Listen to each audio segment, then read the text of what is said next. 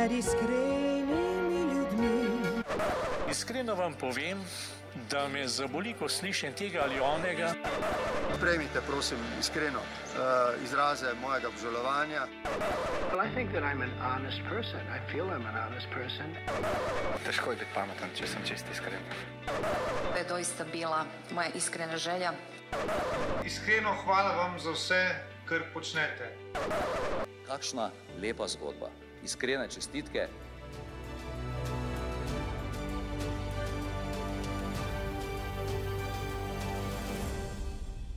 Spoštovane poslušalke, spoštovani poslušalci, prisrčno dobrodošli v tretji oddaji najbolj iskrenega podcasta. Podcasta, kjer ne ustvarjamo mnen, ampak spreminjamo srca. In najprej se vam moram na začetku upravičiti, eh, v zadnji predstavitveni oddaji smo nekako dejali, da vam bomo posamezne oddaje ponudili prvi in tretji ponedeljek v mesecu. No, danes ni niti prvi, eh, niti tretji teden v mesecu, niti ni ponedeljek kar pa ne pomeni, da se je karkoli spremenilo v predvidenih terminih. E, nič dramatičnega ne pomeni ta izredna objava na četrti četrtek v avgustu, je pa le odraz tega, da vas nismo želeli puščati tri tedne brez oddaje in smo za vas pripravili eno dodatno oddajo, oddajo na en, z eno tako zelo prijetno sproščeno uh, temo. Tako v prvih dveh oddajah ste lahko spoznali portal Skrini.net, ker ta podcast ustvarjamo, ker ta podcast tudi domuje. Obenem pa smo vam predstavili nekatere podrobnosti podcasta, ki smo ga za vas pripravili in ki ga bomo še pripravljali.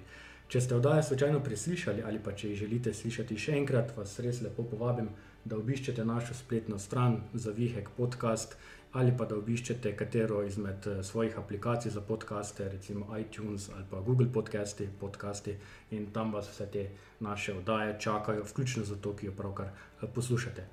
Tako, toliko za uvod. V tem današnjem, torej v tretjem podkastu, eh, pa se podajamo na pot filmske industrije. Eh, brez skrbi ne bomo poskušali posneti filma, zaenkrat je že ta audio oblika podajanja vsebin dovoljšen zalogaj, bomo pa skušali osvetliti nekatere vidike filmskih sporočil. Predvsem, kaj lahko film, kaj lahko video vsebine prinesejo med zakonca v družino in v odnos. Zato je danes v moji družbi pater Andra, Andraš Arko, duhovnik in velik poznavalec filmskih vsebin, ter zakonca Mica in Nec Škobrne. Vsi trije lepo pozdravljeni. Živijo. Uh, pater Andraš, bom začel kar uh, s tabo. Uh, ti si verjetno eden izmed najboljših poznavalcev filmske industrije pri nas.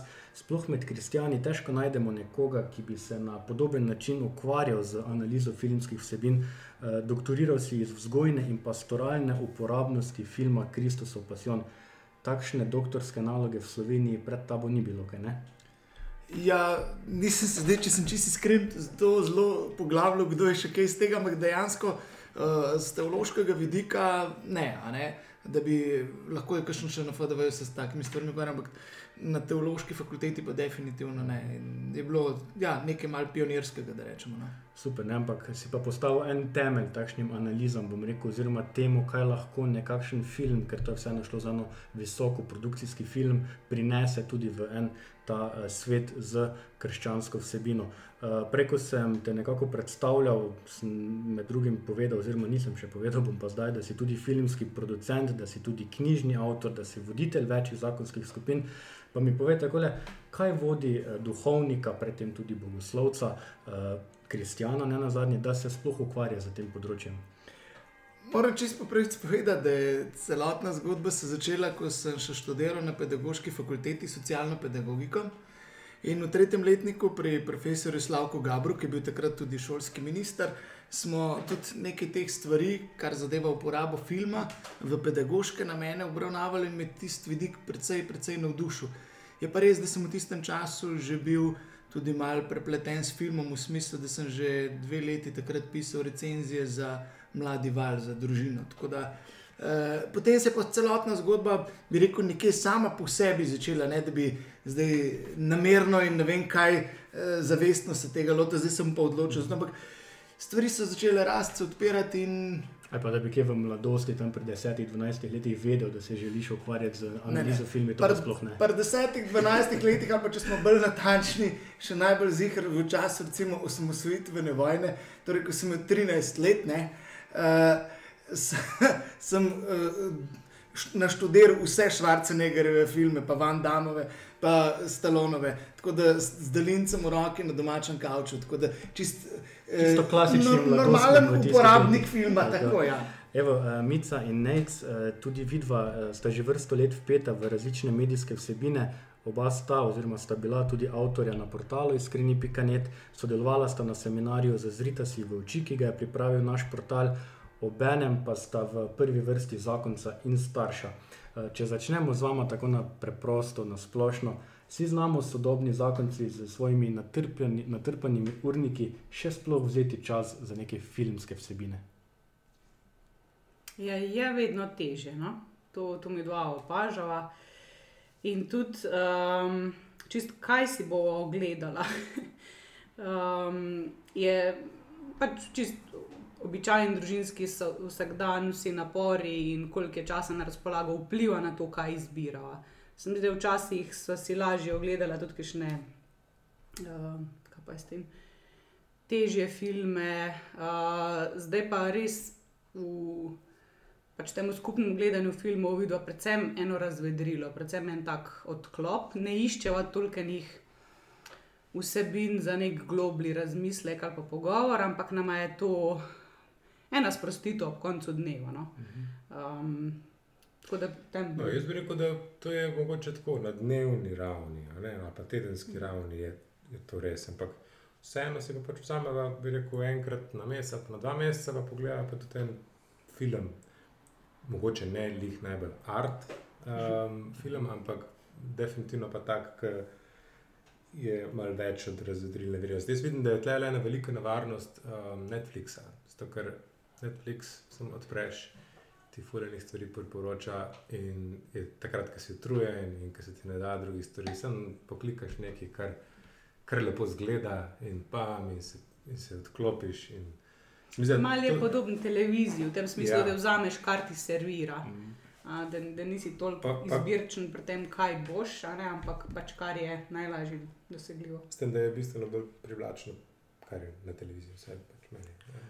Ja, ne, Pater Andraš, nečem tako lepo omenil, ne, da nam ti sodobni mediji nekako servirajo to, kar je očem zelo privlačno. Ne. Zakaj pa je po tvojem mnenju pomembno, da se znamo še zakonci, kristijani, starši, pa če tudi enkrat, dvakrat eh, na dva meseca, kakorkoli, da se znamo vzeti čas in da se znamo pogovarjati o vsebini filmov, torej da ne ostanemo samo na tisti površinski zgodbi, ki jo mogoče vidijo oči, ampak da gremo malo globlje. Ja, če je to eden od načinov preživljanja prostega časa med zakoncema, kar sta že Mica pa nec rekla in moram tudi reči iz lastne pastoralne izkušnje, eh, zakonci vedno pojamrajo, da je zelo težko si vzeti čas in je vprašanje sploh na prvem mestu, a si vzeti sploh film kot eh, prostočasno dejavnost, ali rajš kaj drugega. Da ni tako, kot je v enem od zakonskih filmov, ki se znajdete pred televizorjem, pa gledate televizijo, pa boščite not, zaradi tega, ker je lažje bolj tu ekran, kot se posrečati drug z drugim. Ne. Tako da, eh, če vzamemo film res v kontekstu zakona, da si odločite, ok, danes imamo pa mi dva movie night, ne, in si bo pogledal, pa če se ena, to neka streljačina akcija ali pa neka švedska drama, spal še tri dni depresiven po njej, ne, a, ni pomembno, ampak mi dva smo se odločila to in to bo čas za najno razvedrilo ali pa za neko temo, ki nam bo mogoče skušali tudi uh, spodbuditi, bo nekaj zdebatirala, da nam bo nekaj odprl, kakorkoli že. Vse na zadnje, ne, to, kar si Andraš uh, pravkar omenil, film je v osnovi namenjen neke vrste sprostitvi, odklopu, ne, neki drugi, oziroma rekel, poglobiti v neko drugo realnost, ki ti jo pač uh, takrat uh, prikazuje. Obstaja sploh neka realna nevarnost, da recimo ogled filmske vsebine, za katero veš, da se boš pa mogel kasneje po filmu poglobljeno pogovarjati, da uniči ta sprostitveni namen filma. Se vam kdaj zgodi kaj takšnega, recimo? A da bi bila vsebina tako težka. Tako da recimo že ob gledanju se zavedate, da na koncu se bomo morali o tem pogovarjati in da potem nekako se zgubi ta prvotni uh, sprostitveni namen filma, odklop misli in podobno. Jaz nekako čutim tukaj, da sta dva namena. No, gleda. en, je pač čisto ta sprostitveni in včasih tudi prav prav čutim ali pa čutijo, da rabo neki čist sam, da, da dejansko niti ne zmorejo biti skupaj na en bolj aktiven način, da bi se neki pogovarjali, neki naj razčiščevali ali karkoli, ampak da enostavno sem rabo, da sta skupaj v nečem, kar naj jo naj jim zabava sprošča. Včasih se zdaj pa krepeniš potem. Včasih se mi zdi, da pa krepeniš potem, da bi, da bi dobil po nekih zgodbah, po nekih zgodbah, ki, ti pr, ki te ja, vklopijo v eno, v eno drugo resničnost, ki je sicer ne bi doživel, a, ki ti neke nove izkušnje omogočijo. In mi je tudi tukaj zelo, zelo fajn, da, da so v tem skupaj. Um, in včasih pol to pelje v, lahko, pač v nek pogovor. Včasih mi, mi je pač zadosten, da so skupaj to videla, to doživela. In je pa naj lahko ena referenčna točka, na katero se pa enkrat kasneje sklicuješ, ne rečeš, ne, tako kot je bilo v tistem filmu. Skratka, spet nekaj, kar skupaj doživiš, nekaj, kar obogati ta skupen svet. No? Mi, mi veliko pomeni to, da, da skupaj te stvari doživiva. In meni je v bistvu zelo težko gledati stvari sama. Um, sploh, če vem, da je kakšna fajn stvar, si res želim, da bi to skupaj pogledala. Uh Mhm. -huh. Zato, da je pol to ena najna skupna izkušnja. Uh -huh. Tako da, um, ja, se pa izogibam skozi bolj. No. Lih, lih to, mislim, bolj, bolj ko sem utrujena, bolj ko sem videla, da je pač čist ta družinski vsakdan naporen, težje pol predelujem neke težke vsebine. In se jim že vnaprej čist zavestno izogibam in sem ratela bolj zbirčna v tem, da bi sploh, um, pač da se pozanimam, kakšen je film in da bi se tega sploh lotila ali je v tem trenutku za me Preveč. preobremenjujoče. Ja. Sploh kakšne drame, pa kakšne otroci, pa trpljenje, pa Ja. take stvari. A Ne, se mi zdi, da je zelo težko. Pa, pa tle je ena stvar, mi smo to ugotavljali, se vedno bolj razlikujemo. Ko sem se spoznala, se spomnim, smo se pogovarjali o filmu Dogville. To je bilo lih takrat zunaj in nama je bilo to obema, oh, ful zanimivo, kaj je tako kul cool, cool film, tako odpičen art. a ne. Um, zdaj pa se mi zdi, da se tako malo greva na razen. Um, Mica se mi zdi, da ne, si želi zmeriti mogoče malo takih sproščenih, ali komedij, ali da je malo romantično, mogoče da je kakšna fanta, a ne zakonska zgodba. Uh, Meni je pa zelo, mislim, mi veliko, doskrat mi paše čist kakšna taka bolj, vem, moška vsebina, kakšno malo bolj thriller, uh, kakšno streljanje. Um, in, in včasih se mi zdi, da se prav težko najdemo. In zdaj, recimo, uh Mhm, -huh. Rado, par dni nazaj so se skrb skregala, začer, ko so rekli, no, bo danes nekaj pogledala, okay. jaz, ampak jaz sem bil tukaj trujen, sem rekel, le, lahko, ampak ti povej kaj. Ne bom jaz zdaj ugotavljal za oba, kaj bo gledala, ti povej kaj, jaz sem to gledal. Ker to potem zgleda tako, da pol ure ali pa eno uro, pa sem iščeva film. Ja, včasih lahko tri četrt ure zapravo, da, da iščejo, Ja. kaj, kaj bi gledala. Mm. Ampak le zato, ker je to tako redko, mi dejansko ni vseeno, kaj bova gledala in pa kakšna bo ven iz tega prišla. No? Ja, zelo, zelo zanimiv mi je ta, ta vajen vidik, ne, ko eh, vidim, da skušate, recimo tudi takrat, ko se mogoče slučajno odločite za to, da boste film pogledala, pa vseeno z neko vsebino si film pogleda, da ni zato samo, da se sedeš, pogledaš pa ura pa pol mine, ampak da tudi se od filma uh, nekaj odnese. Zakaj to govorim? Ne? Ker recimo, ko smo mi bili v tej mladinski pastorali, mladinskih skupinah in podobno, se spomnim, ne, da nam je eh, duhovnik oziroma kakorkoli duhovni asistent eh, predvajal kakšen film, smo si ga skupaj ogledali, ampak že med predvajanjem sem imel tisti občutek, kaj bom pa zdaj jaz mogel po filmu na koncu povedati. Ne. Verjetno tudi razlika v dojemanju filmov, tako kot jih dojemajo otroci in mladostniki, ali pa mi starejši zakonci, na zadnje starši in podobno. Eh, Pater Andraš, ti se z, bom rekel, z temi stvarmi soočaš tudi pri, pri svojem pastoralnem delu. Kakšne so, so razlike pri, pri predvajanju filmov različnim generacijam?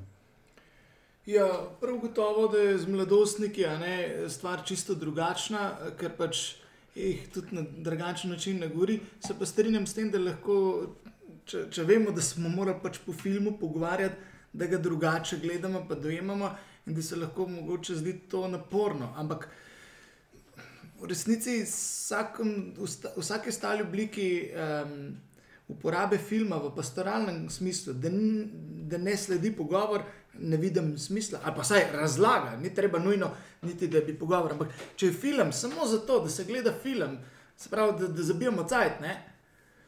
To za moje pojme nima kaj delati v pastorali v tem smislu, ker to, to je potem Zakaj smo se pa zbrali, pa zdaj v župništvu, pa v mladinski sobi, zato da bomo filme gledali, pa kokice jedli. Ok, lahko tudi način druženja, ampak se mi zdi vedno, tudi če smo vzeli še kdaj še tako nek cenen film, pa s kokicami zraven, se mi zdi vredno, da naslovimo stvari, kaj smo jih not videli.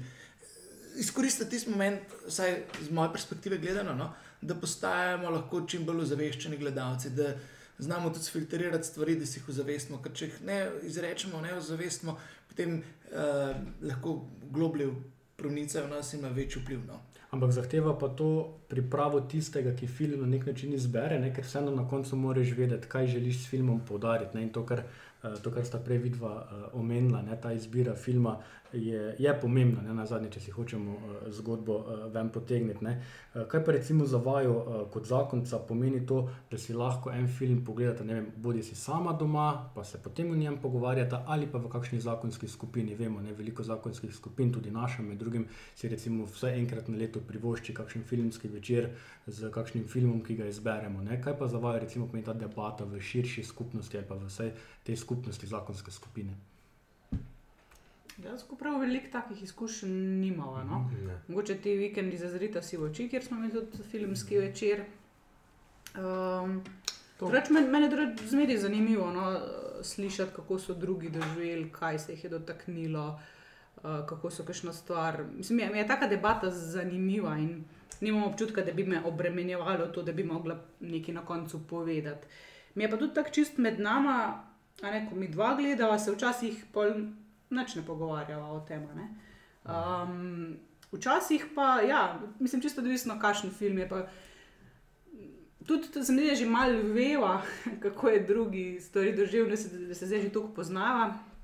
Um, in da pol res izpostavlja, izpostavlja predvsem tiste stvari, ki, ki so ali naj osebno, da naj umatrajo, ali pa kjer pa čutijo, da je mogoče drugi to malo drugače doživel. Tako da ni, da bi se pa zdaj po vsakem filmu um, res neki urenk pogovarjali, ali vsaj ne takoj po filmu, a ne mogoče pol čez par dni se kaj navežeš. No, ampak ne smeš pa pozabiti, eh, če ne, čeprav ne pomeni, da mi gledamo konstantno filme, ki na pet let enega, ampak ki me je nec uh, po koncu lanskega leta povabil in rekel, kdaj prideš, tu Pops, dva papeža bo zdaj na Netflixu, 21. premjera. Prej sem rekel, ne, moram, zdaj imam, zdaj imam spovednico na polno pred praznike, lahko takoj po božiču, ok, pop. In smo se zmenili, pa je bila debata, Ja. tlele smo analizirali uh, Ratzingerja in Bregolja od spred in zad in gor in dol. In je bila res tako, orang debata, ki je tudi meni osebno, če rečem, ne, ker smo bili interaktivni in vsak dal svojo perspektivo, ne, najcmica.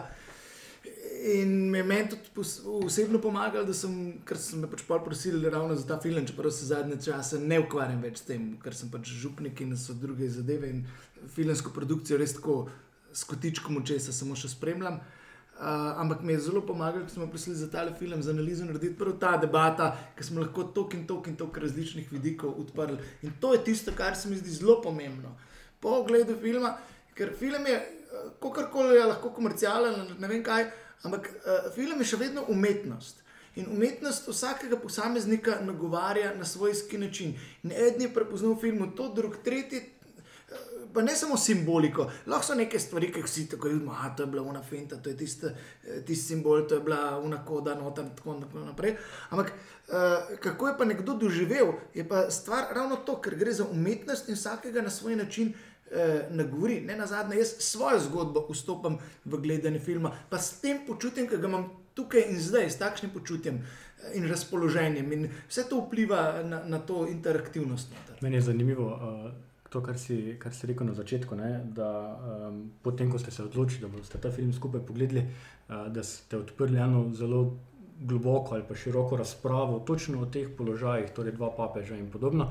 Uh, torej, tu je bil film sredstvo analize trenutne aktualne situacije, recimo v konkretnem primeru. Ne. Tudi in hkrati tudi, koliko je dejansko neke zmaličenosti, neke distorzije realnosti, se pravi, konkretno uh, kardinala oziroma pokojnega papeža Benedikta, ne, oziroma kardinala Ratzingerja, kakšna karikatura oziroma zmazek iz tega ven narejen. Ampak je bila stvar v tem, da smo šli zelo detajle rezati in je še zdaj se, ne bom pozabil, kako je Mica, kako si rekla. Ne, eh, Glede uh, tistega škandala, oziroma tiste grozne zgodbe s ustanoviteljem Kristusovih legionarjev, so rekli: ti, pa čakaj, pa se je Ratzinger bil ja, tisti, ki je najbolj vsekal čez to. Ne? Uh, se pravi, tako in je film tukaj tako je manipulacija, no, take stvari. Ker recimo nekdo ima neko vedenje, drugo perspektivo in, tako, in zato je pomembno, da se po filmu dejansko podelimo stvari, kako smo jih doživeli, videli. Uh, in, in, in nas to lahko zelo, zelo obogati, in še kakšne stvari ti odpre. Uh -huh. Ampak tisto, kar jaz vidim, recimo en taki zanimiv pojav, ko spremljamo, recimo, ne nujno samo filme z neko krščanskim ozadjem ali pa vsebino, katere koli filme, ne, da ustvarjajo pri naključnem gledalcu neko podobo realnosti. Ne, kar pomeni, ta ta, ta film, ne, ki ste ga zdaj tako lepo omenili, je živ dokaz tega. Tisti, ki niti približno ne poznajo problematike, ne poznajo ozadja, je film sredstvo, da izvejo, kaj se dogaja. In ta film njim ustvarja navidezno resničnost, to, kar nima dejansko, če se spustimo v globino, pa, oziroma ima zelo malo neke realne osnove. Ne. To je pa tista nevarnost takšnega filma. Vi trije, recimo, ste analizirali vsebino, ste se o tem pogovarjali, vi trije se zavedate, da, da je to uh, napačno prikazana realnost, ampak roko na srce, velika večina ljudi tega ne naredi, tega ne vidi tako. Pa ni samo pri takih filmih, ki pač te življenjske zgodbe lahko vsak režiser pač, ali pa scenarist po svoje interpretira. Ampak če vzamemo zgodbe, kot so, to je bil za moj pojem šolski primer tega, kar si rekel. Um, film Troja. Ne? Sicer se na začetku začutijo, da je samo navdihnjeno, ne po Homerju, ne? ampak uh, vsak bo mislil, da je prebral Iliado, tega, ker je gledal Trojo mm -hmm. in bo vsak prepričan pač da ga memno tam ubijajo, v resnici. Pa, če beremo po originalu, je pa doma klitam nestra zaklala, ne, ko je prišel domov. Ja. In tako naprej. Ne. Ampak to, to, to, to so tiste distorzije, ki se pokvarjajo celotna zgodba in s tem se lahko lansira neka čist druga zgodba na sceno, ki sploh ni. Da ne govorimo o kakšnih takih, da sem pač trojil zelo čist kot tak obči film. Medtem ko recimo film Exodus, uh, ki je bil ne, um, o Mojzesu, je tudi na mestu, da bi bil pastir, nek borc tam in tako naprej. Ne. Mislim, ti tudi naredi čez neke svoje zgodbe. Ali pa da ne govorimo o Noetu, o filmu Noe, ne, ko je bil. Ja, ko že dejansko temeljim povsem na znanstveno, uh, na znanstveno fantastiko, v, v določenih delih filma zagotovo. Ja. Um, to, kar si prej rekel, ne, ta glede na eno izkušnjo iz zakonske, mi se pravi, nimamo toliko zakonske, imam, imam pa jaz eno izkušnjo. Um, Zlani sem začel organizirati filmske večere za v bistvu, moške in očete iz skupnosti Iskreni. Uh, in smo imeli, mislim, da lani vsega skupaj uh, tri večere, pa letos um, enega. Um, in recimo tukaj pa je malo spet doživljanje tega, mogoče kar smo imeli bolj takrat v študentskih časih, uh, ki je bilo več časa, pa več takih debat. Um, sploh na temo, na temo ki, ki je zdaj zelo relevantna za nas, uh, može in očete. Se pravi, um, moškost oziroma očetovstvo na splošno. Um, in tle, tle moram reči, da je bil kar fajn odziv, no? smo se zmeri dobili na 5-6, pa so bile super, super debate. Pa zdaj, ko si tako lepo omenil moško skupino, ne, imaš občutek, da je, oziroma ne občutek, bom kar tako rekel, kakšna je razlika v debati, ko po filmu debatiraš za moško skupino ali pa ko debatiraš recimo z ženo doma ali pa z, z krogom, ki je bolj mešan, da tako lepo rečem. Ma jaz, če iskreno, ne nimam neke, da bi zelo izrazito razliko lahko zdaj pokazal. Um, pač veš, da boš, ne, se lahko mogoče kakšno stvar bolj pohecal, pa boš bolj razumljen. Pa. Uh mhm. -huh boš bolj intuitivno razumel uh, na enak način film, mm. kot bi ga sicer. Ja, super. Tisto, ko smo se prej pogovarjali o, o samem dojemanju filma, um, Pater Andraš, če se vrnem tudi um, na film Kristusov Passion, ki je tudi predmet tvoje uh, doktorske uh, dizertacije. Uh, vem, da se v knjigi, uh, mislim, da filmski izziv, ne, uh, da izpostaviš en taki zelo pomemben problem, uh, ko se krščanska vsebina, uh, bom rekel, prikazuje na način, da ko kasneje bralec oziroma najprej gledalec filma bere, bom rekel, božjo besedo ali pa ko bere sveto pismo, mu naprej prihajajo podobe iz filma, ki ga je dejansko predtem eh, gledal. Ne? In to je pa ta dvorezni meč, bom rekel, te produkcije filmov na takšen način. Vsakršne, tudi tiste, ki če bi jo dal, da zvesto sledi svetmu pismu, ti, če gledaš enkrat, najbolj gremo klasiko, ne, deset zapovedi, eh, film, boš vsakeč, ko boš bral v Mojzesu, v Mojzesu boš videl Charltona Hestona tam. Ne. Eh, S to razliko, da recimo vsaj Mel Gibson, Jim Cavizla tako zakamuflira s tisto brado, da ga v resnici ne prepoznaš. Ampak hočem reči, eh, na neki način nam lahko govorimo z popolnoma pozitivnimi filmi, se pravi, tistimi, ki res se trudijo zvesto slediti svetmu pismu in ne gre za neke svoje zgodbe in režiserske interpretacije in kaj jaz vem kaj. Ampak v resnici ti še vedno lahko podobe ustajajo in mm, si tudi v tistem notar ujeti in sploh ne moreš božje besede pol na način, kot je sama se izraža, ne, oziroma kot sama na sebi nagovarja. eh, Te lahko malo uvira. No? No, jaz, jaz na tej točki moram priznati, ne, uh, ko sem pogledal Kristusov uh, pasijon, ne, sem imel kar nekaj časa težave točno s tem. Ne, in dokler nisem prebral te tvoje knjige, ne, sploh nisem bom rekel, zavedal, da je to dejansko en malo širši problem celotne, celotne te zgodbe. Ne vem, uh, Mica Nejc, imate vidno takšno izkušnjo, da recimo po kakšnih uh, uprizorjenih uh, svetopisemskih odlog, uh, odlomkih uprizarjate v glavi te prizore, mogoče ne tistega, kar pa svetopismo nekako ponuja, čeprav je zgodba zelo podobna. Ne. Ja, jaz imam. Um, mene se mi zdi, da je zelo zaznamoval uh, Cefireljev um, Jezus iz Nazareta in v bistvu ta podoba Jezusa, um, da se mi je zelo, zelo vtisnila, kaj je ta igralec Pavel. Robert Powell, ja. Robert Powell no. Ta modroki Robert Powell. Um, se mi je zelo, zelo vtisnil no, kot moj, moj Jezus. Um, In mi je bilo zanimivo, ker sem pol, ne vem, šele po nekaj letih nekje, čist, niti ne, ne spomnim se čist konteksta, ampak nekdo, en poznavalec je omenjal, da je ta film tudi naredil neki škode v tem smislu, čist pač konkreten prikaz na določenih stvari. Takrat no, sem jaz ozavestila pri sebi, da se mi je ta, ta podoba preveč vtisnila in da, ne, da doskrat vidim pač tega Jezusa in te prizore, a ne filmske, ob poslušanju Božje besede. Um, in da da je v bistvu ta Jezus mal hladen. to, to, to sem se pola ne zavedla in da, da se moram odvezati um, od te, te filmske podobe in, in res si na novo.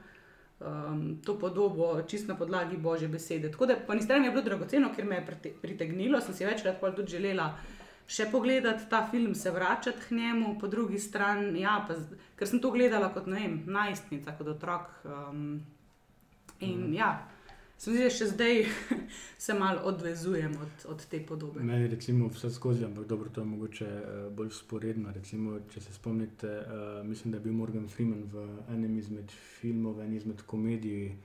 Uh, Bruce Almighty. Bruce Almighty. Vse tako, mogočni ne, Bruce, ja. Vse mogočni Bruce. Tam je bil on upodobljen kot eh, v beli obleki, kot Bog, ne, torej nekdo, ki pač določa levo, desno. Ne. In takrat je bilo meni zelo tak na en eh, zelo humoren način prikazano, ampak pa z enim takim širokim spektrom. Ampak je točno to, ne, zanimivo je, ne, kako si nekdo uprizarja nekoga, ki ga dejansko v osnovi sploh je ne mogoče uprizoriti. Ne. No, ampak tukaj not sem jaz prej prepoznal eh, malo provokacijo, pozitivno. Mm -hmm. Izziv v smislu, da Bog je črn, uh, mm -hmm. čakaj. Uh, ja, ne vemo, kakšen je Bog in zaradi tega je bil mm -hmm. šok, ker vendarle Jezusa smo navajeni, mm -hmm. ne, Ja. da je v bistvu evropejc ne, ali pa američan, ne, ne pa, ne pa jud. Ne. V, kar zadeva ikonografijo in to, kar, kar si Nica prej rekla, ne, si po, povedala, v bistvu temeljni problem Zefirelijevega filma Jezus iz Nazareta. Ker film je mojstrovina, narejeno super, edini problem je v Jezusu. Jezus je pa tako hladen, kot da bi ga z enega oltarnega kipa dol pobral ne, in je tako brez izrazen. Pa žal, zatem boleha film. Pri celotni paleti tedanjih eh, hollywoodskih zvezdnikov. Ne. Mislim, toliko je po eni strani podobna, ne, te, ja. Ja, glih to, kar si rekel, tem oltarnim podobam, ne, da, da komod to kot kupiš kot mm. ne, ena resničnost, a ne hkrati pa nič. In v tem smislu je zanimivo tudi, recimo, koliba, kako je pa tam bok, a ne. Mhm, ja. pa, pa zelo nekonvencionalno, ne, v tem smislu te malo odveže od. Um, Čeprav se oprosti, mislim, ampak meni se zdi pa ne samo to, kar si Andraš ti omenil. Ne? Po eni strani pa na nek način lahko to jemljemo za dobro, ne? da mi lahko Boga najdemo dejansko v vsakem človeku, ne? Ne glede na to, ali je bel, ali je črn, ali je moški, ali je ženska. Ne? Lahko tudi to sporočilnost teh filmov, ki hočejo, ki želijo uprizoriti Boga, ne? pa najdemo vsaj v tem, ne? če, če že Ja, tako gledamo. Ne? to lahko uh, zavestiš, če si odrasel. Tako, problem, je, tako. problem je, ko gledaš take filme mm. kot otrok, ki se ti pa to zapiše noter in sploh ne moreš tega zavestiti in pa imaš neko idejo. Tako. Sploh, če si tako kot jaz, ki v bistvu ne, nisem glihun človek, uh, zmeri najprej knjigo prebere, pa pol še le film pogleda. Pač nikoli knjige ne preberem, jaz sem filme gledal. ne. In več iz mene, za tisto, kar filmi pokažejo, to si jaz predstavljam. ne. In uh, ja. Super. Ja. Uh, če zdaj nekako pridemo še na eno drugo, en drugi sklop, in to je produkcija samih filmov za krščansko vsebino, pa gremo samo na Slovenijo, se nekako osredotočimo, da ne bomo šli uh, pri, preširoko. Um, tudi v Sloveniji, vsekakor v zadnjih letih, vseeno narašča ne, produkcija eh, slovenskih filmov. Mogoče pa ti Andraš kakšno besedo na to temo. Vemo, ne, tudi uh, David Si- Sipoš s svojim študijem se zelo trudi v To zadnjih je letih. Matjaš Feguš, tako ne. Njuno sodelovanje v taki ali drugačni varianti. Eh, Prav gotovo, ampak tukaj ne moramo govoriti v filmih na zakonsko tematiko, ampak Tako, so tako, ja. dejansko na, prnašata pa oba, ne, vsak na svoj način se mi zdi uh, nekaj res novega v ta prostor, uh, nekaj, do česar do zdaj nismo imeli. Mhm. Uh, in jaz sem zelo vesel, še posebej, ker sem Davida spoznal že, ko je bil še srednješolc. Pa je pač so snemali neke take štose bolj ne, in kaj se je razvil, v kaj se je dejansko razvil. Ne, in uh, ta umetniški izrazni vidik. Ne. Uh, in ne na zadnje, da ni ne en, ne drug, ne uh, David Cipoš, ne Matjaš Feguš, da niso zdaj tako oni umetniki, ki bi me zdaj naredil film. Ne. Mm. Tudi če ga bo šlo samo 500 ljudi v kolosej gledati, ne, se pravi vsi moji sorodniki, pa prijatelji, pa nič več, ne, ker bo tako depresiven, da ga noben, noben drug v Sloveniji hotel videti. Ne. Ne, ampak gre za to, da se g- lahko snemajo tudi filme po naročilu, v smislu, da tam se v vseh svojih sposobnostih in uh, zmožnostih lahko izrazi in vzpostavi tisto zadevo, kar je. Ne. Tako da tukaj se mi zdi, da je, da je vedno ta napetost, pa ne govorimo zdaj samo znotraj filmske umetnosti, ampak tudi sicer. Uh, a zdaj nek slikar, ki na- na- naredi sliko po naročilu, ne, nek portret ali pa ne vem, jaz sem si zaželel tega in tega svetnika gor, a je zdaj to umetnost ali ni umetnost. Ne? Ker danes umetnost, pa mu je samo, da jaz sebe izrazil. Ampak to ni res, to je zdaj ta postmoderna zadeva. Skozi zgodovino so največji umetniki delali po naročilu, ne bi imeli sekstinske kapele, če ne bi bilo tako. Če bi se Michelangelo izrazil sebe, ne, ne bi danes noben videl sekstinsko kapelo, pa ne nič drugega. No. Ja, in um, kakorkoli obrnemo, ne, um, naši otroci ali pa mladina, tudi mi na zadnje, uh, smo skozi filme spoznavali tudi nekatera področja, ki danes veljajo za bolj ali manj še vedno tabu teme. Ne. Pa recimo omenim samo tri, ne vem, od spolnosti, nasilja, nestrpnosti, medvrstniškega nasilja in podobno. To so vse take teme, ki se jih v vsakdanjih pogovori, pogovorih še na nek način, vsaj delno, izogibamo. Film pa otroka, mladostnika sooči, dejansko bombardira tudi za takšno tematiko. Ne? In pol pa smo vseeno mi starši tisti, ki pa moramo to problematiko pri otroku nekako. Na nek način znegovati, ne, da zna on to pravilno dojeti. Uh, govorim zato, recimo, uh, si Nate, uh, pa mi se vidva, recimo, predstavljata, da bi kakšno tabu temo s svojimi otroki razbila s pomočjo filma.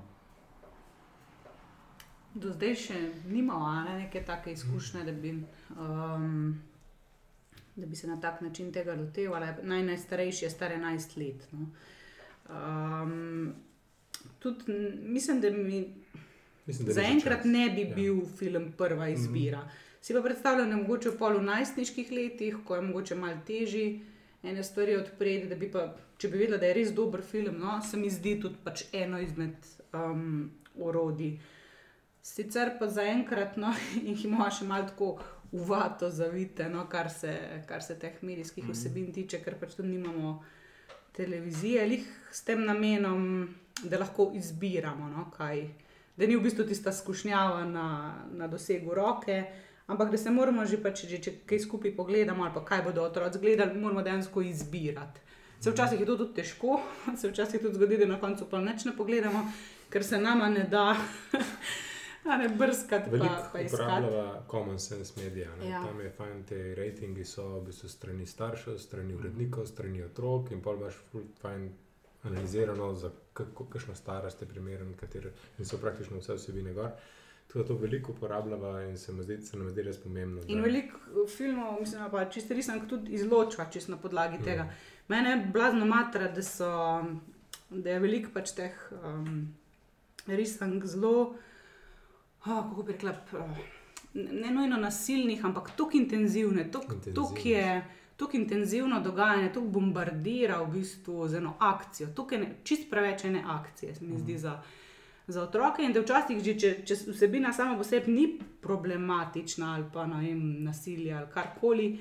Um, ampak se mi zdi, da že sam ta intenzivnost dražljajev, da otroke um, obremeni in bi si želela ne, več enih takih bolj, bolj umirjenih no, uh, stvari. Počasnih. Ja, ja. No, ampak če gremo tukaj še to, kar si odprl, ne, tema spolnosti. Um, tudi če gledamo po televiziji, pa pač skoraj da ni filma, kjer ne bi bilo vsaj kakšne vroče scene noter. Ne.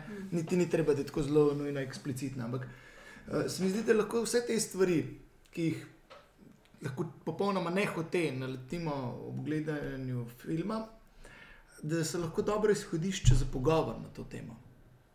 In uh, tukaj se mi zdi, da je lahko ena dobra prilika, še posebej, če gledamo gledamo z mladostniki, da se o teh stvareh lahko spregovori. In Jaz mislim, da ker ne more, ker uno, a ne, zdaj so pa usedla, ne oče pa sim, pa bomo imeli zdaj eno debato na temo spolnosti. Ja, ne vem, če glih tako zalaufal, ampak če pa tista zadeva, ne vem, nek film, pa je lahko čist dobra streljačina, ne, tako Bruce Willis ali pa kaj takega, ki razbija stolpence. Ne. In, in ja, pa imaš pa nek vroč prizor, noter pa ba malo tako le.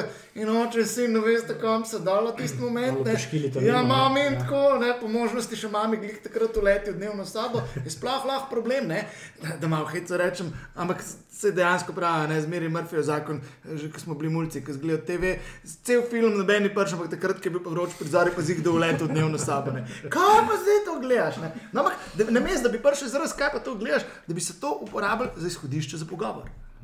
Nekaj ti si, uh, pa te nadraž v tej knjigi, filmski izziv, ne? tisto, kar je mene uh, na nek način lahko opisuješ, te bom jaz rekel spotakljive prizore ali Mhm. kakorkoli. Mm. Tako lepo zapisal, ne, da uh, ja, tudi spotakljiv prizor je lahko izjemna priložnost ravno zato, da se o videnem pogovorimo in spolnosti damo mesto, ki ji pripada.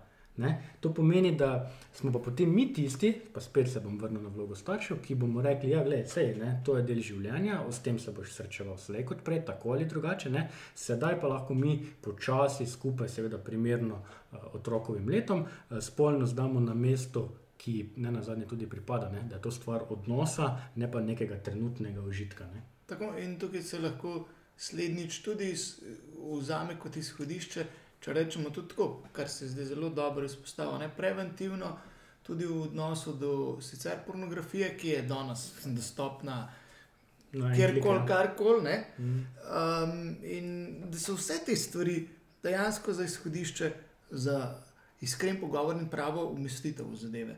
In tisto, kar je največje varovalo, ne, super, kar ste rekli, da se prebere forume. To, to se mi zdi, da je dobro, da se človek informira. Ampak največje, največje uh, varovalo je vedno odnos. Pa naj si bo torej uh, med samimi zakoncema, najbolj pa v odnosu do otroka. Ne. In vendarle, kakorkoli že, lahko se najstnik opere s uro, ampak ve se pa, da so starši še vedno tista avtoriteta, ker na dnu svojega srca, pri samem operanju, bo, vemo, da kam v srce gre. ne. Če je tam res pristen odnos. In če nekdo ti v odnosu to umesti že od malega, ne, šele v najstniških letih, da ti začne pametovati, pa je stvar bistveno drugačna. ne. Nekaj dansko, ne, izogibanje temam ni rešitev. Ne. Ne. To, to je samo odlaganje neizogibnega. Slej, ko prej se bomo o tem pogovarjali. Ne. In meni, recimo, ko sem razmišljal o tej tematiki, se mi je tako simpatično zdela misel, res ne, zakaj ne bi otrok v eni skupini, kjer se dobro počuti, pa recimo, da so to vrstniki, zakaj ne bi on tam z nekom, ki se spozna na tematiko, spregovoril, recimo o spolnosti, če smo želeli pri tem, ne? pa je lahko to ne na zadnje tudi usposobljen ali pa tematsko podkovan katehet, nimam nič proti, ki bo skupino kot tako vodil čez ta, čez ta problem. Jaz, kot starš, bom pa od zadaj temu predtem že mogel postaviti temelj in pa kasneje nadgradnjo. Ne. Meni se zdi prav simpatična ta misel, da otrok se s temi temami sooča na takšen način. Zakaj ne? ne? Dan danes v tem modernem svetu je za me to kar dobra priložnost, da ga, da ga popeljemo v ta svet, ker se bo z njimi, kot smo rekli, zagotovo slejko prej uh, soočil. Ne. Ne, na zadnje, če, če, če razdelamo uh, uh, filme, ki kažejo in promovirajo recimo, tako razbrzdano življenje. Ne? eh, In ponavadi ne pokaže posledic tega. Tako je. Ja. Posledice pokaže kvečem kakšno drama, torej švedska, mm. ne pa kitajska, kot rečemo. Do katere pa z otrokom ja, ne zdržiš Ne boš, konca, seveda ne. Uh, ampak uh, če pa ti kot odrasel lahko rečeš, da je tak način življenja, ki ga sicer film prikaže, da je to cool in ful in res dober, ne, pa v bistvu posledice v tem, pa tem, pa tem. Je pa lahko za otroka oziroma za mladostnika nekaj bistveno drugače. Uh, Pa če se še mogoče, Mica, pa nec malo na, na vaju navežem, zdaj smo govorili, da je fajn, da recimo tudi otroci po teh tematikah nek voden pogovor. Uh, ali za vaju pomeni kako dodana vrednost, da se lahko, recimo, prej tako, smo tako no, lepo omenili ta film Dva papeža, o katerem ste debatirali, ali je za vaju to res neka dodana vrednost, da se lahko potem tudi z duhovnikom o določenih temah pa pogovorita. Ne? Zdaj, mogoče sem še na, na tisto uh Mhm. -huh. prej um, uh, nekaj rekla. Meni se zdi ključno, kaj je tisto, kar mi kot starši ali pa ne, vem, kot si omenjal prej, kateheti, prestrežemo. Ne? Kaj je tisto, kar, kar otroci dobijo, uh, sploh pol, ko so že samostojni.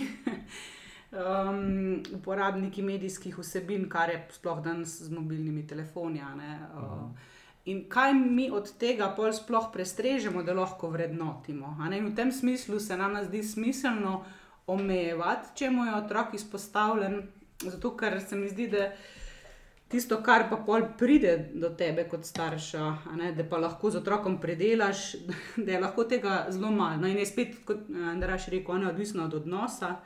A, tukaj je pač res tudi od tega odvisno, bo otrok s tabo spregovoril o nečem, kar ga je vznemirilo.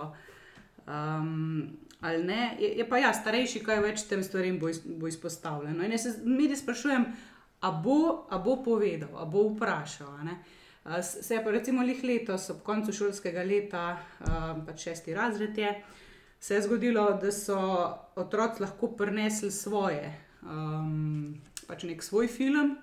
In je imela ena punca s sabo en film, ki se je nama zdel zelo neprimeren za šesti razred. Tudi v enih državah je, je bil najem, ta. Um, Je bil najem od 13. do 15.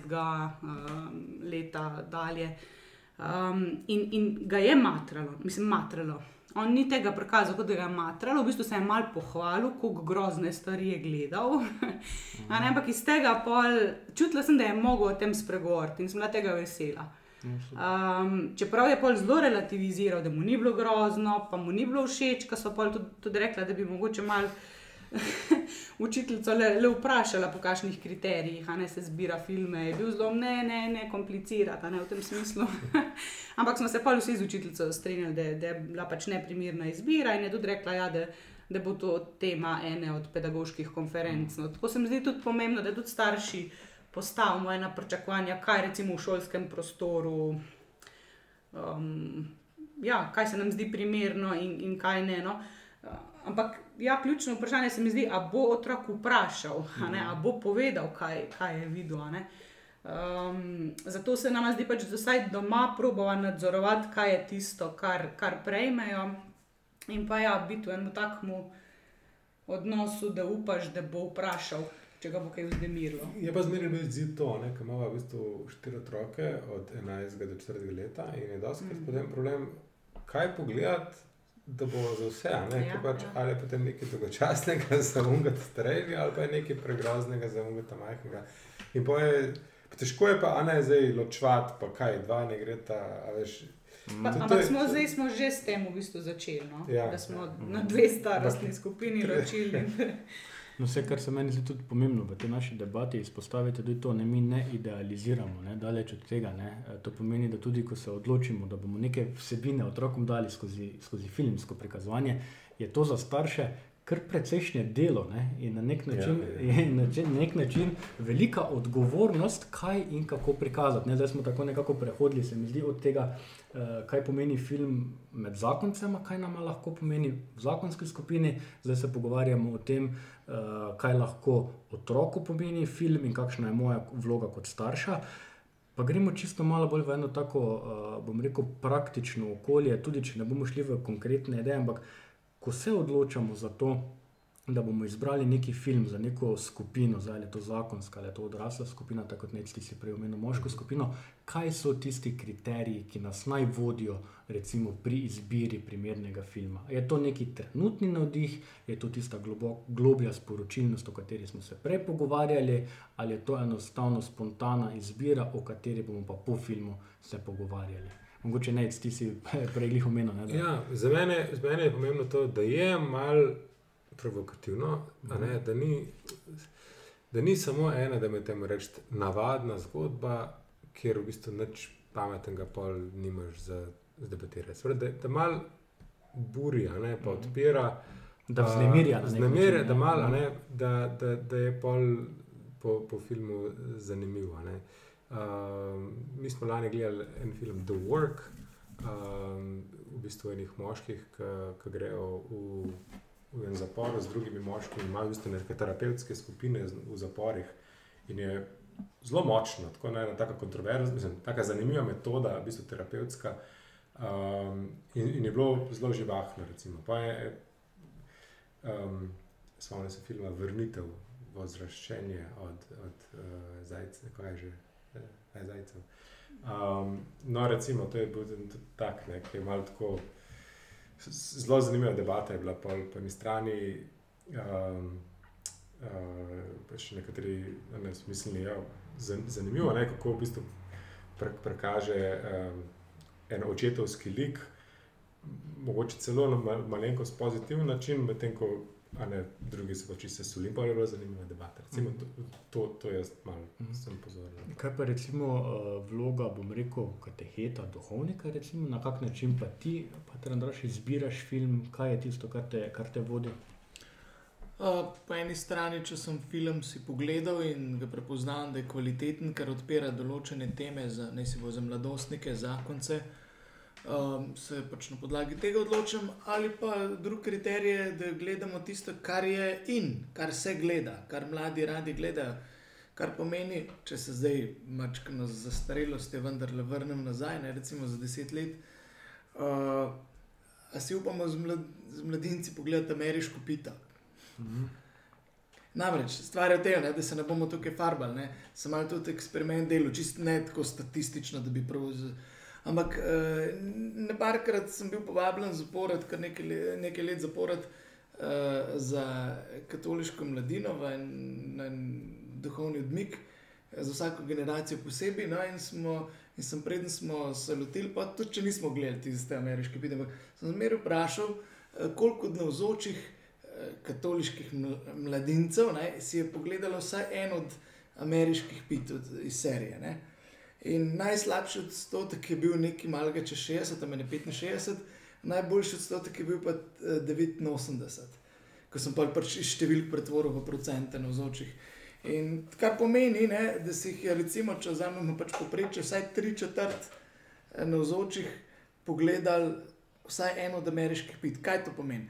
Da torej uh, tri četrt katoličanov, zelo zdaj generaliziram, da lahko tri četrt katoličanov, od mladincev, si pogledali to, ne, da je treba te stvari spregovoriti. Sicer s tem lahko riskiramo, da bomo kakšnega še pohujšali, če bomo zraven to gledali. To je tudi res, ne? to, to, to je grozno, ne? tukaj ne, ne, to, to je zadeva problematična. Ampak po drugi strani pa je treba nasloviti zadevo. Ker na, na tako stvar, ena taka izkušnja, ki je tudi že malo nazaj, ko sem bil še kaplan, uh, so, so birmanci rečali, da imamo pa ter gledati film, da imamo gledati en film, v redu. A ga bomo mi prinesli, v redu, ga prineste. In je prišlo neki birmancev in birmank In so prenesli, Berman so rekli, da tega le bomo. In naslov filma je bil Sex Drive. Se sploh ne vem, kaj je. Kao neka ameriška pita varianta. No, vsekakor punce je po, po petih ali desetih minutah filma odnesli ven, so zunaj imeli svojo debato in pa, ko je bilo konec filma, so prišle vse nazaj. Ne? In pa sem se pač prvoščil malo. Pa sem rekel, sem, sem, sem rekel le, bomo pogledali film, ampak če ne bo debate, ga zdaj le prekinemo. Mhm. Ne, mislim, ne, ne, niti ne začnemo, tako sem hotel reči. No, in so punce pa prišle nazaj. Sem rekel, zakaj ste šli? Rekel, ne bomo takih svinarij gledati. Tako. In so v bistvu fanti dobili ogledalo, tako mm. nazaj. Prav se mi zdaj fajn, pa so se muzali, pa je bil še kakšen zgrešljiv prizor, so tako le gledali proti patru na začetku, mm. kako bo reagiral. Ne. Pa sem pa jaz gledal njih. Ja, ni bil problem pater. ne? Ja, ja, ja. ampak nečeš, kaj bo pater zdaj naredil. Pater je hladno, krno gledal. Na koncu pa naslo, sem pa naslovil te zadeve. Ne? In tukaj se mi zdi pomembno, ker mulci so ta film že gledali. Kako stari? Uh, Berman, se pravi 14 let. Tako da ta, take stvari se mi zdi, za, zakaj ne bi si take stvari pogledali, pa rekli, jaz recimo. Zdaj, ko gledam, kdaj je kakšno zadevo nazaj, kakšno odlom, ki je, da ne letim ali pa tako, nisem zdaj šel nazaj. Gledati film, sem pa prepričan, da če bi šel zaradi gledati kakšen film iz svoje pubertete, ne, ne bi rekel, ja, ko sem jaz to gledal. ej." Mislim, že sam prej, ko sem omenil Van Dama, da bi šel kakšnega cyborga gledati, ali pa kickboxer, pa še, "Ah, to sem jaz gledal. Mislim, tako, ne. Pač. To je tisto, kar smo prej govorili. Pač otroci, mladostniki, drugačni motivi, drugačne, drugačna ideja o filmu nas vodi, ko, ko smo film gledali. Danes smo bili vsi, vsi v takšni vlogi. Ne? Ja, Bi se prav vseeno na tem mestu dotaknili, ne bomo šli v veliko nekih konkretnih predlogov, konkretnih idej, ker verjamemo, da eh, lahko vsak film drugače nagovori tistega, ki ga pač gleda. Vseeno bi se pa jaz rad dotaknil enega filma in sicer kratkega filma z naslovom Sosedovo okno. Um, Mica, ti si, mislim, da letos, nekje v začetku leta, napisala tudi en kratek opis za naš portal. Uh, to je z Oskarjem nagrajen kratek film, uh, ki ima eno tako zelo, zelo globoko sporočilnost. Ne. Film traja sicer samo 20 minut, če želite, mislim, da je dostopen tudi na YouTubu, vsaj jaz sem ga v prednevi še našel. Tako da povabim, da si ga pogledate. Ta film je recimo res, res odlična istočnica, lahko za vse vidike pogovorov, ali je to med zakoncema, ne na zadnje tudi mogoče za starejšo skupino otrok, eh, ali je to na zakonski skupini, kjerkoli, ker daje ogromno enih, enih istočnic. Mica pa bom kar tebe povabil, ti si ga pogledala, napisala si eno tako kratko, bom jaz rekel, mini recenzijo. Izvoli. Jaz zdaj ne vem, pač koliko razlagati, da ne bom, mm. Mhm. uh, kako se temu reče po slovensko. Pokvarila vsebine, Tako. ja, vnaprej povedala. Ampak uh, ja, gre jih pa za to vprašanje, ja, naš, kaj mi vidimo in kaj, kako mi vidimo našo okolico, naše sosede in kako oni vidijo nas in kako so ti pogledi včasih lahko popačeni in kako smo upeti v ta naporen družinski vsakdan, lahko včasih um, vidimo pač sem, sem te negativne plati ne, in izgubimo nekako. Um, občutek za vse lepo, medtem ko nekdo z sosednjega okna lahko vidi točno to in ne isto mi pridrugmo. Um, in, in me je bil res pač tako čisto slučajno, ga na avtobusu, mislim, da sem ga celo, celo pogledala. En članek sem prebra, prebrala, kjer je bil omenjen in je bilo lih tistih 20 minut vožnje. In vem, da sem takoj poslala pol link Nejcu. Um, in so si ga pol tudi še skupaj pogledala, in mislim, da se niso več kaj dosti pogovarjali o njem, ker mislim, da nam je bilo, da je pač sporočilo tako jasno, da nam je bilo obema, so oba začutila. ne, Um, ja, mogoče par besed ne, o tem, kako mora znati ne, tudi naše življenje videti drugače.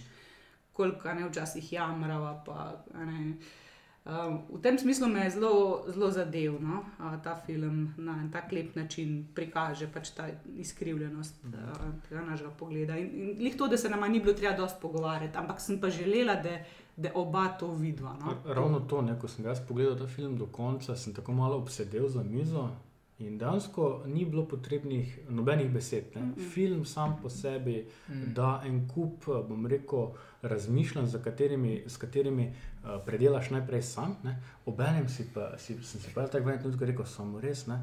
Tudi Odpre jaz, oči, ne, tudi jaz sedim na tem ne- kavču v tisti dnevni sobi in gledam čez okno ven, ravno tako kot nekdo drugi, verjetno gleda v mojo dnevno sobo. Ne. Tako da mogoče res, uh, zdaj, ko se nekako približujemo koncu tega um, izjemno prijetnega uh, pogovora, bi mogoče izpostavil dve stvari. Ne, kakorkoli smo danes malo navrgli enih pozitivnih, negativnih strani filmov, vsekakor priporočamo kvaliteten ogled filma, lahko pripomore k rasti in v odnosu med zakoncema, v zakonski skupini in podobno. Ne, Prav gotovo. In če bi zelo konkretno vendarle šli, bi zelo rad omenil film Najna zgodba, sicer je že 20 let star, ampak je izjemno dober, Bruce Willis in Mišel Pfeiffer v glavni vlogi. Um, zdaj za zakonsko temo jih je malo morje odprtih tem noter in se mi zdi, da kvečem edina nevarnost pri tem filmu je, da bi se lahko uh, zakonca, ki bi si ga pogledala, mogoče na koncu skregala, ker bi rekla, no, točen taksi, kaj je. Mislim tako, ampak se mi zdi, da zelo dobro odpira. Moram tudi reči, da smo ga ravno mesec nazaj, ko smo imeli tabor za družine in ko smo imeli uh, tematske čas za zakonce, smo si ga po kosih pogledali in ravno določene vidike izpostavili. Tako in dalj kot eno temo zakoncem za ljudi. In obenem je ta film živ dokaz tega, da uh, kvalitetna zgodba, zgodba s sporočilom ne zastara. Ne? Dan danes se mi zdi, da veliko Točno. delamo na eni taki instantnosti. Ta film je zdaj popularen, toliko je prinesel denarja v kinematografe. Ne? Film, ki ga pa ti omenjaš, torej najna zgodba, ga pa lahko vsako leto znova, ne nazaj, tudi zakonca, ga lahko vedno znova pogledate, ker boste vedno znova našli en drugi poudarek v zgodbi. In žal pa take produkcije praktično ni. To je, to je problem. Mhm. Si rečem, ker je toliko tudi terapeutov, tistih, ki pišejo scenarije v Hollywoodu, ampak se vidi, da ni namen res neka pozitiva in neka rast in kvaliteta, ampak Izražanje sebe. Izražanje sebe. Ja. No, no, je zanimivo tudi v smislu čist, uh, začutiti duh časa ne, skozi filme. Ni da bi ne zbirala pa samo neke. Ne Um, ali, ali tudi sem krščanske, ali, ali kako koli, sploh ne si želiva videti čisto, ja, kaj je trenutno aktualno, ravno zato, da, da malo začutiš. Ampak pri takih filmih pa pol malo potrebo malo analizirati, pa mm. probati izluščiti, kaj je kaj je v bistvu to sporočilo, pa kaj so te, te vrednote. Tako da se mi, se mi zdi, da so filmi tudi zanimivi čist z tega vidika, če jih ne znaš na ta način zanalizirati, začutiti. Kaj je trenutno v zraku? Družbeno, analitično. Tako, ja, ja, ja. tako sem rekel, po eni strani za sproščanje, po eni strani za začutiti duha časa, po drugi strani pa tudi pač taki, ki navdihujejo. Pa... Evo, uh, in tako le, mislim, da je bila ta uh, micina istočnica kar zelo lep zaključek tega našega uh, pogovora. Uh, Pater Andraš, Mica, Nejci, iskrena hvala, da ste se tega našega pogovora udeležili. Mislim, da smo odprli kar nekaj tem, dali nekaj predlogov uh, za vse vas, drage poslušalke, dragi poslušalci. Uh, Z vsemi vašimi predlogi ste dobrodošli na moj elektronski naslov, torej dusanafna.net. Obiščite našo spletno stran, naša družbena omrežja, tam vam bomo ponudili vse naše oddaje, vse naše vsebine. V opisih bomo tudi ponudili nekatere filme, za katere mi menimo, da se jih splača pogledati. Ne na zadnje, pa jaz osebno zelo priporočam knjigo eh, Filmski izziv eh, Patra Andraža. V tisti knjigi mislim, da boste našli, pa te znaš koliko analiz filmov? 20, sam so pa že kar mal stare. Stare so, drži, ampak so pa sporočilnost še vedno ostaja. Ne? Tako da, če iščete dobre filme, če iščete filme z, z tematiko, ki jo lahko obdelate, ta knjiga vam bo zagotovo v pomoč. Nec, Mica, Andraš, iskrena hvala za to. In vi imate toliko enih, eh, bom rekel, tematik, ki bi jih lahko mi štirje tako skupaj odprli, da jaz verjamem, da se še mi v kakšnem podobnem podkastu srečamo. Toliko za danes. Hvala lepa. Hvala. Hvala.